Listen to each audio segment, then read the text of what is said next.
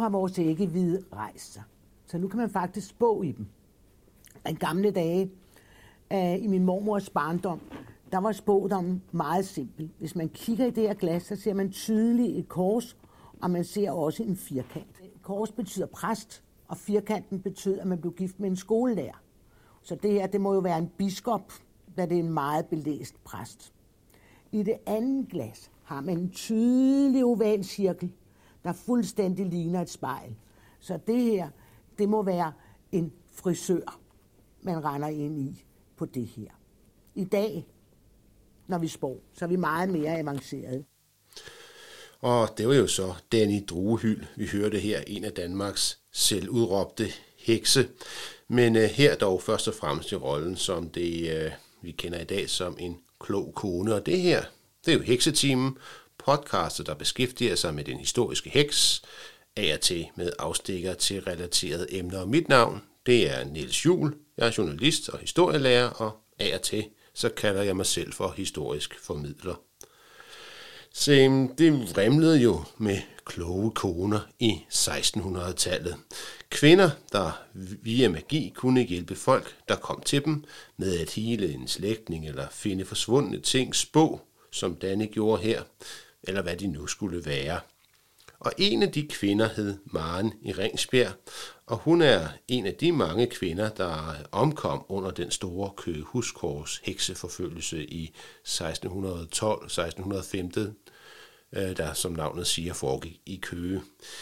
Hendes egen rolle i selve sagen er også vigtig. Det er min personlige overbevisning, at øh, hun uden at ville, at hun uden at ville det, var med til at eskalere den sag ret betydeligt. Hun er et godt eksempel på, at man den ene dag kunne gå fra at være en efterspurgt klog kone, for at den næste dag blive betragtet som en frygtet troldkvinde med udsigt til henrettelse på bålet. I dette podcast tegner jeg et portræt af Maren i Ringsbjerg. Hvem var hun? Hvad kunne hun? Og hvad er hendes historie? Da der ikke er så frygtelig mange kilder på hende, så vil jeg gøre det ved at tegne et portræt sådan mere rundt omkring hende. For hvad var en klog kone? Hvilken social baggrund havde disse kloge koner? Typisk. Ja, Marne Ringsbjerg har brændt sig ind i Danmarks heksehistorie ved at optræde i Danmarks største heksesag, Køhuskorssagen, som jeg lige nævnte, hvor hun blev udlagt som troldkvinde og beskyldt for at komme med ideen til at tisse i Køge Kirkes døbefond. Det var en chokerende begivenhed, der helt sikkert fik gjort hekseforfølgelserne i Køge meget værre, end de egentlig ville have været uden den historie oveni. Hun huserede på Sjælland i perioden omkring 1600, og folk opsøgte hende, opsøgte hende langvejs fra. Hun boede, som hendes navn siger, i Ringsbjerg syd for Køge, og det område vender vi tilbage til lige om lidt. Først skal vi kigge på, hvilke kilder vi har til at finde frem til Maren i Ringsbjerg. Og svaret er jo det samme, som med så mange andre helt almindelige danskere fra 1600-tallet, der ikke var hverken en medlem af konge eller adel, at kilderne er altså ikke ret mange. Hvis det ikke var for nogle ganske specifikke og få kilder, ville vi slet ikke vide, at hun overhovedet havde eksisteret. Og hvordan kan det så være? Ja, det har Louise Nyholm Kallestrup, som er lektor i historie, en forklaring på fra et tidligere interview. Det kom her at der, der er nogle forgreninger, og det er bare svært, fordi der er rigtig mange af dem, der hedder det samme. Øh, snart vi er på landet, så hedder de jo øh, datter, og så hedder de farens øh, fornavn. Og der er rigtig mange, der hedder Niels, meget apropos, og der er rigtig mange, der hedder Jens, og der er rigtig mange, der hedder Peder. Øhm, men det, det er klart, at vi må formode, at, at det er jo øh, selvfølgelig... Ja, altså, folk hed jo tit det samme, forklarer hun her. Så hvem var egentlig hvem? Det er ikke altid til at finde ud af. Og det var jo altså ikke normalt at skrive dagbog i 1600-tallet.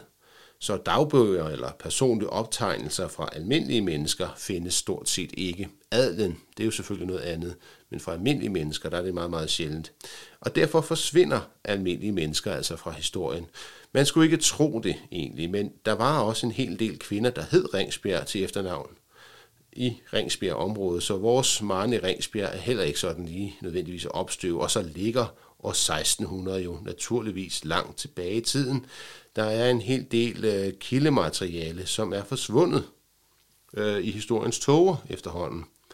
Øh, de papirer, hendes navn eventuelt har stået på, de er måske rådnet op med tiden eller blevet smidt ud for at gøre plads til arkivmateriale på et eller andet tidspunkt. Ja, der er mange muligheder, og i det hele taget så efterlod almindelige folk så generelt ikke særlig mange ting, for øh, de ejede nemlig ikke ret meget og boede ikke særlig prangende.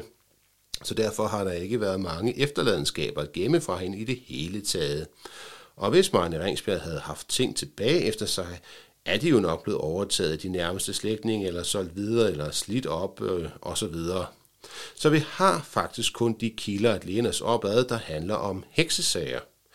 Det er ting og rådstuereferater fra Køhuskårdssagen, hvor hun udlægges, og så er det selve retssagen mod hende, som foregik i Tryggevælde Sogn, og så er det ligeledes ting og rådstuereferater fra øh, trolddomssag i Helsingør og Næstved, hvor hun kort omtales.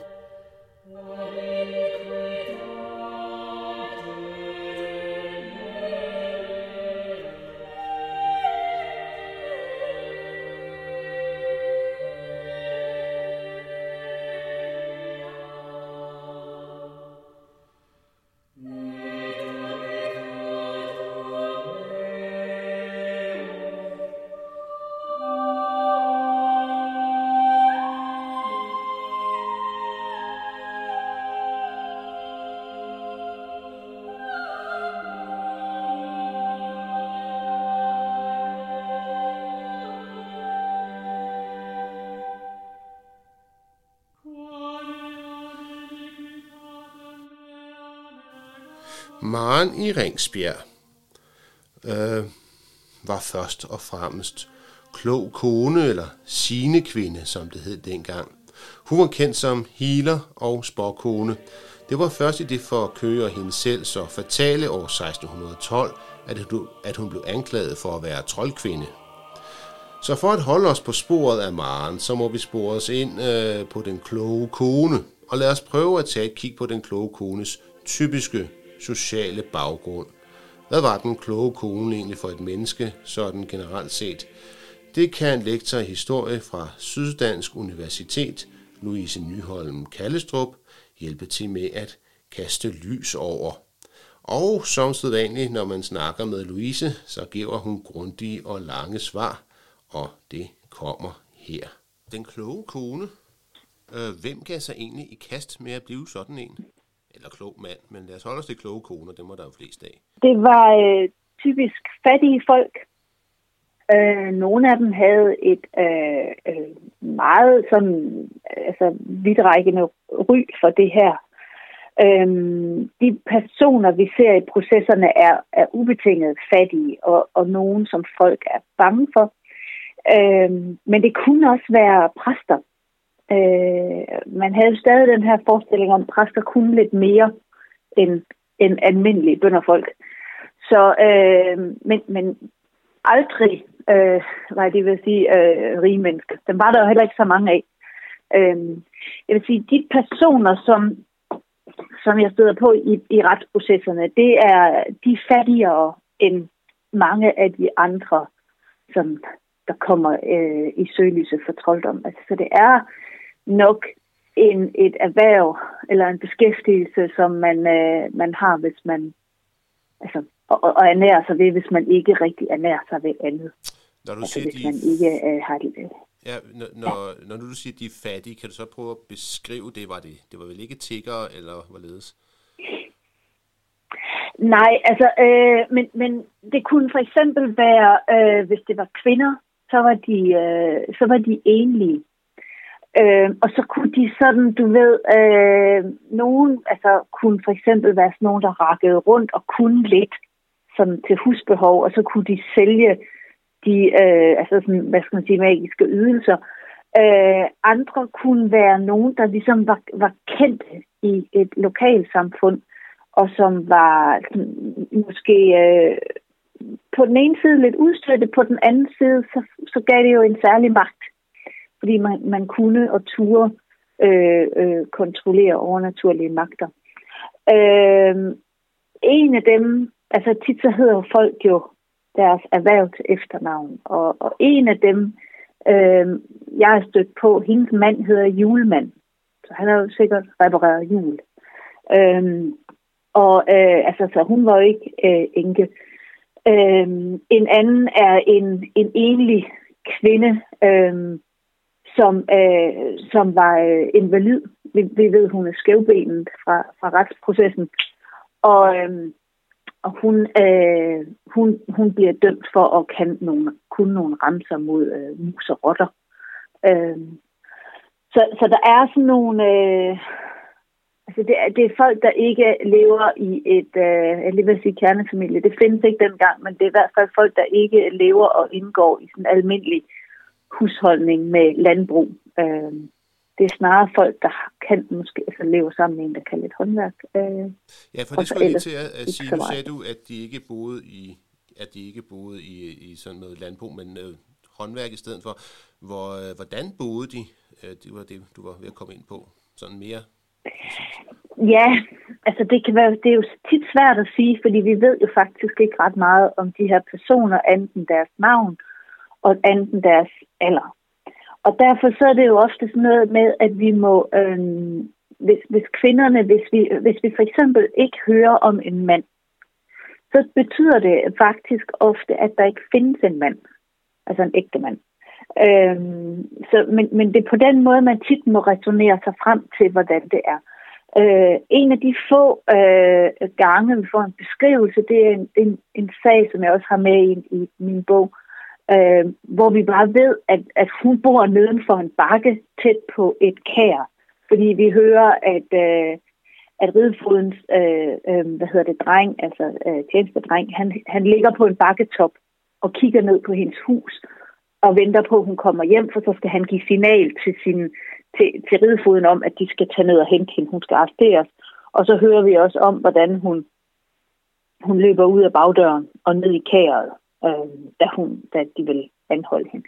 Men ellers så ved vi jo ikke ret meget om det. Så kan man sige, øh, så ved vi lidt mere, når de bor inde i byerne, fordi sådan et sted som Ribe, øh, der har vi nogle eksempler på nogle, nogle kvinder, der også kan nogle af de her ting. Altså, øh, ofte så kunne de måske noget, og det var ikke, øh, fordi de så ernærede sig 100% ved det, men så vidste man, at man skulle gå hen til hende Karen på hjørnet, hvis man havde, havde nogle bestemte øh, helbredsproblemer.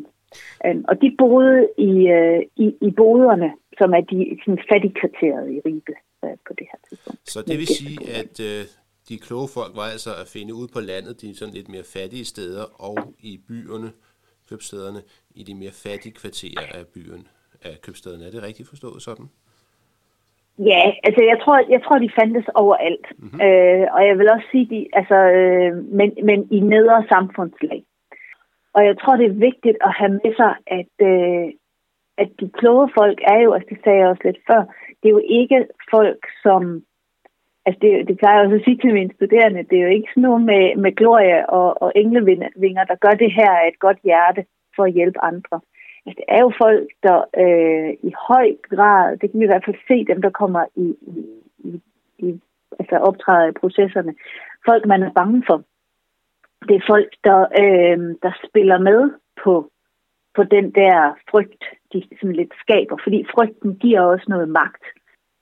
Sådan. Hvad øh, de folk, som så opsøgte dem, øh, hvor meget må de så betale for at få en ydelse af sådan en klog person der? Øh, jeg tror, man skal tænke på det som en øh, ikke en pengeøkonomi. Altså det kan godt være, at de har fået lidt pengehister her, men, men de gange, hvor det bliver nævnt, der er det, øh, der er det nogle andre ting. Altså vi har blandt andet en, der vil have noget læret øh, for det. Altså de får har et skænderi, ham der ender med at anklage hende. Øh, er oppe og skændes med hende over betalingen, fordi at, øh, at hun kræver noget, noget lærer eller noget lignende for, hende, for hendes ydelser. Og det vil han ikke betale hende. Og, øh, og så truer hun ham, og så sker der noget øh, ulykke. Altså, så, så, så vender det sådan ligesom og bliver et mere traditionelt troldomsag. Øhm, så det kan for eksempel være noget. Det kan også være øh, lidt løg. Jeg mener, der er en, der, der vil have noget bly. Øhm, Altså, så det er sådan nogle, øh, hvad skal man sige, almene nødvendigheder. Øh. Hvem var den typiske kunde? Øh, hvem havde tendens til at bruge, gå til sådan en, øh, en klog person? Altså, det tror jeg faktisk, øh, at det vil være, jeg lige vil sige alle. Øh, fordi de deler jo forestillingsverden, de her mennesker. Så hvis du har et lokalt samfund, så vil du, øh, så vil du have en lokal klog kone. Og så er det godt være, at du ikke går til hende i, i dit eget lokalsamfund, men går til nabolandsbyens kloge kone. Øhm, og det vil, være, altså det vil typisk være øh, øh, måske 10 km derfra, men vi, vi har også eksempler på folk, der rejser meget længere. Men, men kunderne er, jamen altså, øh, nu er vi måske ikke decideret beviser på, at kongen selv bruger det, men vi har jo beviser på, eller sager med, med øh, beretning om, hvordan at i hvert fald folk i de lidt øvre lag bruger det her. Man kan sige, i og med, at man har præster, der praktiserer de her øh, ritualer øh, eller praksiser, altså så siger det også noget om, at, at det er i hvert fald noget, der, der florerer øh, blandt, altså det, det er alment, øh, ikke nødvendigvis accepteret altid, fordi man ikke er helt tryg ved dem altid, men, men, men altså i en, i en kultur, hvor der ikke er altså en, en landsbylæge i hver by, øhm, og læger i det hele taget, er, ikke er noget, der sådan, som sådan øh, praktiserer ude på oplandet. Så det er jo bare øh, datidens mediciner. Øhm, du kom lidt ind på det ganske kort lige før, øh, men det der med at gå langt, sådan rigtig langt, 80 km for eksempel, for at komme hen til en bestemt klog kone, for at øh, få, ikke sig selv, men ja, måske også sig selv, ej, så er man vel rimelig rask. Men øh, for at få en anden helbred måske, øh, er det normalt, eller ser man også det tit, eller andre steder? Øhm, altså, det, tit så kan det jo være svært at se, hvor langt de kommer fra. Men, øhm, og jeg vil også sige, de, de fleste sager, jeg har siddet med, der har det været folk i, i lokalområdet. Men jeg har siddet med en sag øh, fra Viborg-egnen, hvor en kaptajn øh, mente, at hans børn var besat af en ond ånd, og hvor han øh, tilkaldte blandt andet en klog mand fra Svendborg. Øh, men den kloge mand fra Svendborg, vil jeg tro, har, har, har været på egnen øh, før. Altså, de må have kendskab til ham øh, af, af, af en eller anden årsag. Men bare det her med, altså der er åbenbart nogle af de her, der jo sådan er mere vidt berømte end andre. Og det der med at rejse fra Svendborg, lad os nu antage, at han faktisk øh, boede i Svendborg. Det siger de, han gør, at den kloge mand fra Svendborg.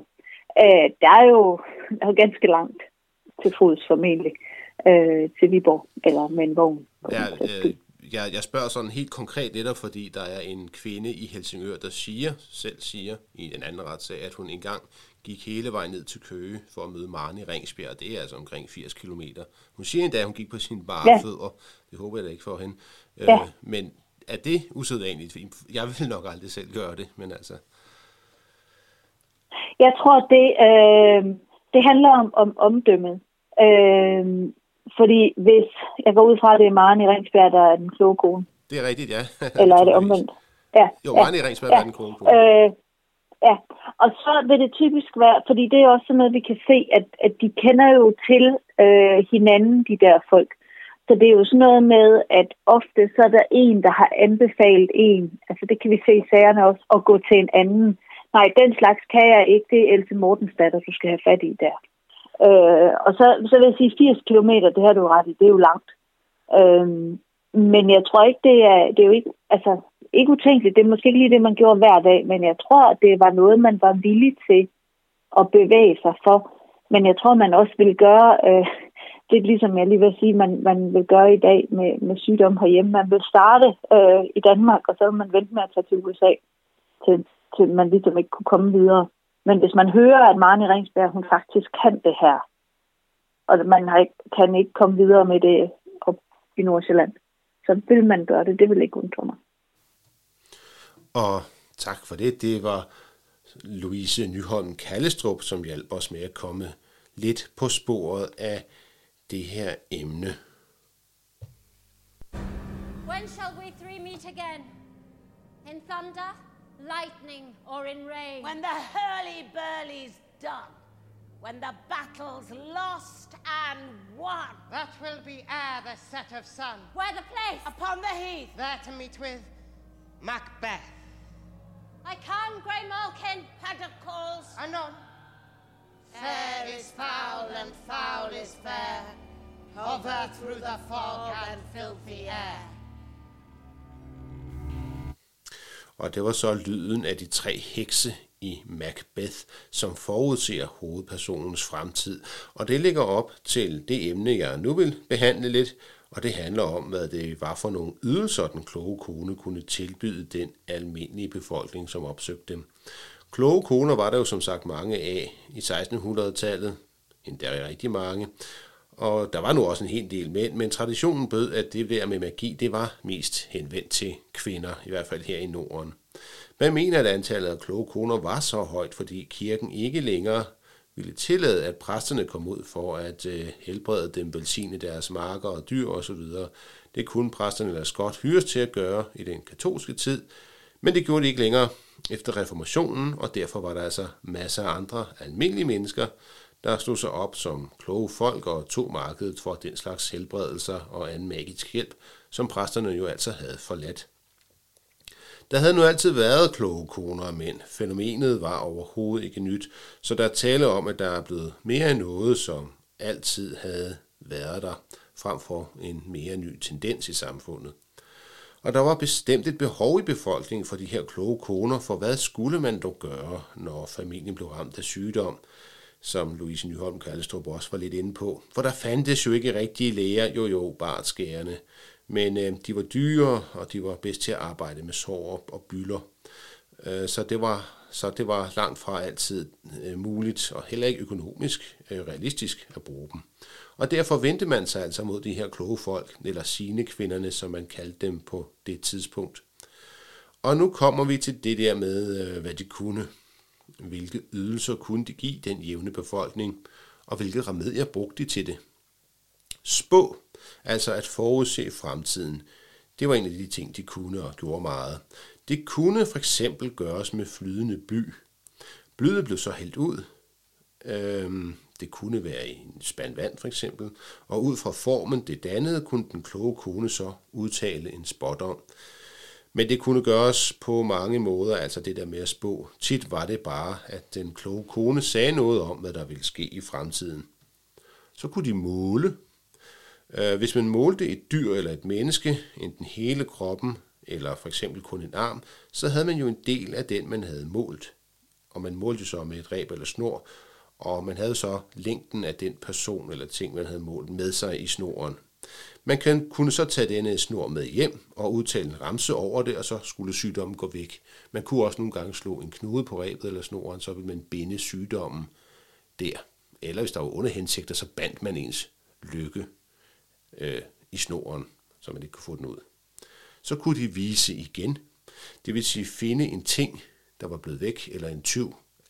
Tingen kunne være blevet væk, den kunne også være blevet stjålet. Det kunne man bruge til, øh, det kunne man også bruge en trylleformel til. Men øh, en si og en saks kunne også bruges. Og hvis man brugte en si og en saks, så gjorde det sådan, at den kloge kone fik sin til at balancere på saksens spids. Og så nævnte man forskellige navne, og hvis sin så begyndte at snurre rundt, så var der bingo, så var tyven blevet fundet. Eller af og til var det heksen, der var blevet fundet, hvis man ville have den kloge kone til at finde ud af, hvem der havde forbandet en. Magien kunne også bruges til at få tyven selv til at dukke op på et, på et bestemt sted med øh, det stjålne. Det kunne også gøres på andre måder, men det her var bare en måde at gøre det på. Og så kunne de selvfølgelig beskyttelse, øh, eller den kloge kone kunne også ud mod trolddom, kunne beskytte mod hekse. Øh, det var også noget, de var øh, meget opsøgt for til at hjælpe med. Det skete ved, at den kloge kone for eksempel fandt en lærklukke frem, en lærkrukke frem, og fik nogle stykker af sin kunders negle, noget urin, noget hår og så videre ned i krukken. Øh, og ned til det, så puttede man jo så et søm. Og den lærpotte blev så begravet, og øh, når heksen så kom efter sit offer næste gang, så ville hun så blive tiltrukket af den her begravede dele af sit offer, og hun ville blive så blive tiltrukket ned i krukken og spidet på sømmet. Det var sådan, man tænkte det. Kærlighed var også noget, man kunne hjælpe med. Det kunne for eksempel udføres ved at tisse i en skål, tage skålen ud på marken, holde den op mod stjernerne, og bede en bøn. Dertil skulle man så bruge sin magnetsten, og den skulle gøre, at øh, den person, man rettede magien imod, ville være romantisk interesseret i en. En anden metode var at slå et brøddej op, få dejen æltet på sine bare baller, og derefter få dejen bagt til et brød. Så skulle man få den, øh, som man var forelsket i, til at spise brødet, og vupti, så blev han eller hun forelsket i en. Og en bibel var vigtig som remedie, for det var jo en bog fuld af hellig kraft, og man havde ingen skrubler med at bruge kirkens hellige kraft som magisk kraft til sine egne formål. Man brugte at øh, læse visse vers fra Bibelen til at helbrede, øh, men også til at vise igen og så videre. Og nogle af de vers, man for eksempel brugte, det var nogle, øh, nogle der hed Davids salmer, og de siges at være meget kraftfulde. Papir og blæk var også et remedie, der var meget populært. Den kloge kone eller mand kunne skrive en magisk ramse til sin kunde, som så kunne beskytte ham eller hende, så længe han gik med den på sig. Det har fungeret lidt ligesom en amulet. Man havde den hængende om halsen, sådan en sammenrullet seddel. Og det er jo altså bare lidt af alt det sine kvinderne eller det kloge folk kunne. Der er også eksempler på, at de siger, at de kan kontakte de døde og den slags ting, men øh, det er sådan lidt mere sjældent. Så der har nok været tale om, at folk havde den opfattelse, at den kloge kunne kunne den kloge kunst, og at den ikke altid sådan har været helt specifik. Men altså healing af folks sygdomme og også af deres kvæg, det synes øh, at have været ret centralt. Og så sidder man jo nok og tænker, at den slags kvinder var i stor fare for at ende på bålet i heksebrændingstiden, der i 15- og 1600-tallet. Det er i hvert fald en påstand, som tit bliver gentaget. Det er nu ikke helt rigtigt, hvis man spørger hekseforskerne, for folk havde jo brug for kloge koner og mænd. Man troede virkelig på deres kræfter, man var villig til at opsøge en effektiv en af slagsen, som vi hørte, øh, som befandt sig langt borte, hvis man synes man havde brug for det. Øhm, det har Louise Nyholm Kallestrup jo netop gjort opmærksom på. Og desuden fortsatte de kloge mænd og koner med at eksistere til helt op i starten af 1900-tallet. De blev altså ikke udryddet af hekseprocesserne, langt fra. Nogle gange kunne de selv finde på at udpege en heks. det skete også helt op i 1800-tallet, men dengang måtte man jo så altså ikke brænde dem. Men så alligevel, i 15- og 1600-tallet, der skete det jo trods alt for både nogle mænd og, øh, og koner, nogle kloge mænd og koner, at de alligevel røg fedtefadet og blev henrettet, fordi den magi, de gik og udøvede, blev fortolket som skadevoldende lige pludselig. Det skete jo for eksempel for Birgitte Brammann fra Næstved, for Jens Hansen Rusk, i Ringkøb, i, som er fra Ringkøbing-egnen, og så blandt andre. Øh, og så selvfølgelig også for Marne Ringsbjerg, som jo er dette her podcasts hovedperson.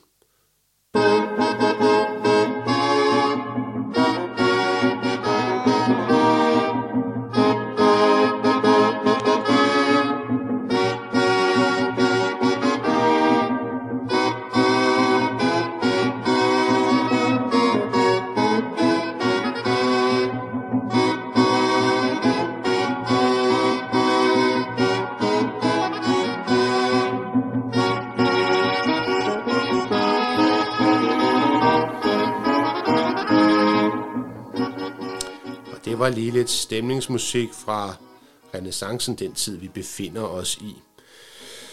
Nu har vi jo hørt, hvad den øh, kloge kone kunne tilbyde sine kunder, og hvordan hendes sociale baggrund generelt har set ud. Og jeg må jo antage, at Maren har, Marens, øh, altså Maren Ringsbjergs sociale baggrund har set nogenlunde sådan ud også. Men mere konkret, så boede hun jo i Ringsbjerg, og den by kan jo også sige noget om Maren og hendes øh, levevilkår. Byen, hvor meget, byen, hvor Maren boede, ligger 10 km syd for Køge, og hvis man kigger på de gamle kort fra sidst i 1800-tallet, så bestod den lille by på det tidspunkt ikke af ret meget mere end en vej med et par gårde liggende lidt spredt på hver side. Så vidt jeg kan se på kortet, er der ikke er der kun en fem stykker der er tale om, altså en fem, fem, fem gårde, jeg kan tælle. Det er kortet lavet ud fra de såkaldte højmålebordsblade i perioden 1842 til 1899, som jeg kigger på, hvis man skulle være interesseret i det. Øh, byen findes stadigvæk den dag i dag, og jeg kunne altså ikke lade være med at tage ud for at se, hvordan Ringsbjerg ser ud i dag. goddag. Og så er hekseteam jo altså taget på tur. Vi er taget på tur til Ringsbjerg, øh, landsbyen, hvor Maren i Ringsbjerg boede i 1600. Øhm, det er stadig en meget, meget lille by. Den står ikke af ret meget andet end en øh, lille vej, der går hele vejen igennem Ringsbjerg, og den vej er kun lige stor nok til, at to biler kan passere hinanden på hver side. Der er dog striber på, øh, men alle husene, de ligger på hver side af den vej, øh, og bag de huse, der er der altså bare marker eller ingenting. Så Ringsbjerg er i dag en by, der ligger på hver sin side af en smal vej. Og lige nu, så står jeg foran gadekæret, øh, og det ligger i starten af byen i den ene ende. Øh, og gadekæret var jo ellers i gamle dage det, som var centrum i landsbyen. Og landsbyen på det tidspunkt, hvor Marne Ringsbjerg boede her, har jo været ganske, ganske lille.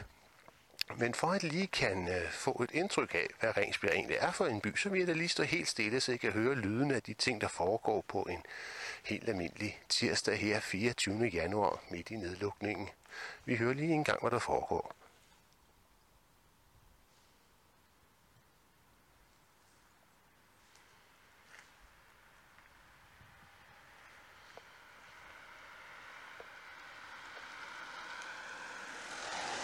Og der kørte der en bil forbi, og det er stort set også det eneste, der egentlig foregår her i Ringsbjerg. Øhm, jo, lige før kørte der også en bus forbi, men ellers er det en meget, meget fredelig og lille landsby, og som jeg sagde før, så var det landsbyen jo endnu mindre, da man i Ringsbjerg boede her. Dengang var det ikke mere end en samling på måske 3-4 gårde. Men øh, byen er dog vokset siden. Øh, I dag er der jeg har ikke talt huse, men 20 måske, 25 stykker er der vel tilbage. Og i slutningen af 1700-tallet, der havde Ringsbjerg også sin egen skole. Skolebygningen ligger, ligger her i dag. Jeg står lige ved siden af den nu.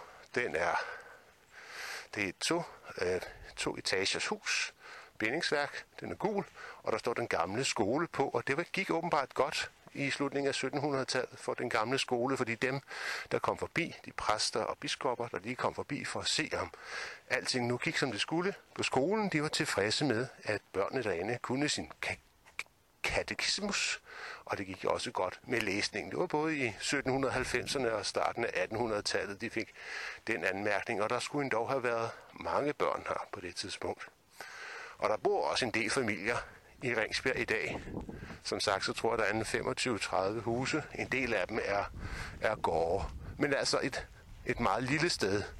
Et sted, hvor der ikke er andet end huse og gårde, som ligger på hver sin side af en lille vej. Og som sagt igen, hvis vi skal føre den op til Marne, eller tilbage til Maren i Ringsbjerg, så har hun altså boet et meget, meget lille sted, øh, som ligger ret langt ude på landet. Ringsberg her, det er 10 km fra Køge, øh, og der er ikke noget i nærheden andet end, end marker. Det var slut for herfra. Vi mødes tilbage i studiet. Ja, og så er vi kommet hjem til studiet igen, øh, hjem fra den lange tur ud til Ringsbjerg. Men øh, det var sådan, som landsbyen så ud dags dato. Hvordan var en typisk landsby så i 1600-tallet sådan til sammenligning? Ja, altså en typisk dansk landsby bestod jo af en række mindre gårde, som regel imellem 10 og 40 stykker. De meget, meget små kunne indeholde helt ned til tre gårde, og det er jo her, vi er med Ringsbjerg. Den havde godt nok fem, i hvert fald i 1800-tallet. Husene lå forholdsvis tæt på hinanden, og alle gårdene havde marker eller markstykker spredt ud rundt om landsbyen. Nogle jordstykker var frugtbare, andre var mindre frugtbare. Derudover havde man køer, som græssede på landsbyens overdrev. Der var et stykke med eng og græs, der lå forbi markerne. Hvis der, var nogen, der skulle, hvis der var noget, der skulle koordineres i landsbyen, så blev det afgjort på landsbyens gadestævne. Her kom alle landsbyens mænd, som ejede jord, og diskuterede, hvordan øh, de konkrete ting nu skulle løses. Kvinderne måtte blive hjemme fra den slags forsamlinger, det samme måtte ansatte karle og piger på gårdene, og ligeledes husmænd, som kun ejede deres eget hus, men ikke noget jord. Så det var altså kun jordejer, altså jordejende mænd, som måtte komme og tage beslutninger i landsbyen.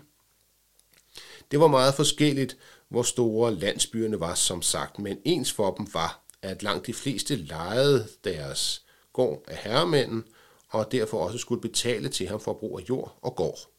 Hvis man ikke kunne betale, ja, så blev man altså bare sat ud. Det blev for eksempel skæbnen, skæbnen for lejeren, eller festeren, som det jo hed på det tidspunkt, på Kongsgården i Gammel Lejre, øh, netop omkring år 1600. Af og til var der en kirke i landsbyen, og det var så sovnets kirke, og landsbyen fik så en status øh, som en slags centrum i sovnet. Men sådan var det ikke for Ringsbjerg. Der var ikke nogen kirke i Ringsbjerg, så den hører til i Sæder Kirke og ligger derfor i Sæder Sogn. Og Ringsbjerg har kun været en meget lille landsby, som sagt. På kortet fra 1800-tallet kan man som sagt kun se fem spredte gårde, men i 1600-tallet har de gårde nok ligget tættere sammen, for, der var jo, for, øh, for det var jo først med landboreformerne i 1700-tallet, som blandt andet Frederik 6. var med til at gennemføre, at gårdene blev flyttet ud og øh, væk fra det tætte landsbyfællesskab med det formål at bo op og ned af større og mere sammenhængende marker for at få mere ud af kornproduktionen. Om der også har fundet en udflytningssted i Ringsbjerg er svært at sige. Jeg har ikke været i stand til at finde kort længere tilbage end det tidspunkt, jeg har nævnt. Men øh, Marne Ringsbjerg har altså boet på en sandsynligvis lille gård eller et husmandssted 10 km uden for Køge i den meget lille landsby bestående af ikke mere end fem gårde. Hendes gård eller husmandssted var omkranset af marker og overdrev. Hvis Maren har boet i et husmandssted, har hun tjent sine penge ved at sælge ydelser til andre. Det vil sige, at hendes mand øh, måske har været håndværker. Det kunne også være, at hun og hendes mand har været, har været daglejer og har tjent til dagen og vejen ved at være karl og pige på de forskellige gårde. Det sidste bliver man altså ikke rig af, og det er derfor tænkeligt, at Maren har prøvet at få en ekstra indtægt ved at være klog kone. Jeg nævner Marens mand en del gange, men faktisk nævnes han ikke nogen steder. Så, der er også, så det er også muligt, at Maren har været en enlig kvinde, måske enke, som har boet et husmandssted, og så, og så tjent sine penge på øh, gården i landsbyen, og som ekstra forsørgelse slog sig op som klog kone.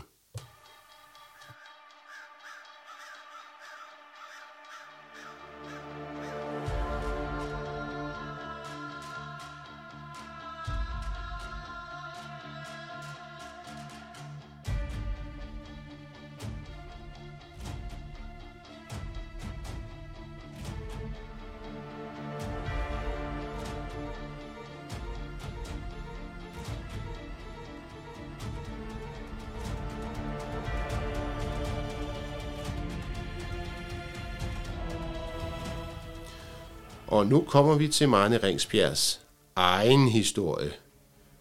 Den, som I faktisk ved noget om. Hun tjente altså sine penge som klog kone, og det ser vi især fra en heksesag i Helsingør. For i året 1626 fortæller en kvinde ved navn Marine Urtegårds, at hun har gået hele vejen til Køge for at opsøge Marne Ringsbjerg på sine bare fødder, dengang hendes mand Olof var syg. Maren i Ringsbjerg var vist noget forundret over, at hun havde gået hele den lange vej. Det er omtrent 80 km, og spurgte hende, om der ikke var nogen i Helsingør, som kunne hjælpe hende. Marine Urtegård sagde, at hun ikke vidste af nogen i Helsingør, som kunne den slags kunster, hvorpå Maren Ringsbjerg svarede, at stod Helsingør på ruller, der var der så mange troldkvinder, at de kunne flytte byen ud til skoven. Citatet er som sagt taget fra en anden heksesag og er egentlig beregnet til at bevise, at Marianne Udegårds ikke selv kunne lave kunster, men at hun måtte opsøge andre, som kunne. I vores sammenhæng er det en vigtig citat, fordi det viser, at folk ville opsøge Marne Ringsbjerg langvejs fra. Og selvom der måske var kloge koner i deres eget nabolag, så var hun mere kendt end dem. Øhm, det er også en pointe, at Marne Ringsbjerg stadig bliver omtalt hen ved 13 år efter sin henrettelse. Det viser, at hun har haft et stort rygte. Men det er jo som sagt et, min, et minde fra efter Marne Ringsbjerg var blevet henrettet. Den levende Marne Ringsbjerg optræder kun i ting og rådstuebøger for Køge og den heksesag, der var imod hende selv i Tryggevælde. Netop det har jeg lavet podcast om som en del af Køge Huskors følgetongen. Det afsnit hedder pigen, der tissede i døbefonden. Så jeg vil ikke gennemgå alle retsakterne i denne omgang. I stedet kan historien fortælles lidt mere klassisk, historieagtigt. Altså, Maren i Ringsbjerg boede på en lille gård i det, der på det tidspunkt var en meget lille landsby, der blev kaldt for Ringsbjerg. Hun har nok haft en gård, som ikke gav det store overskud, men har tjent til dagen og vejen som en klog kone. Og det var hun god til. Selvom de fleste af hendes kunder fra, var fra Køge og Næstved egnen, kom der også nogen helt fra Helsingør, og det er omtrent 80 km væk. Vedkommende var endda gået på sine bare fødder, hed det sig. En af hendes kunder hed Johanne Thomases, og øh, hun var en middelklasse borgerkone i Køge. Johanne Thomases var desværre kommet i dårligt rygte på grund af en udlæggelse i en heksesag 10 år tidligere.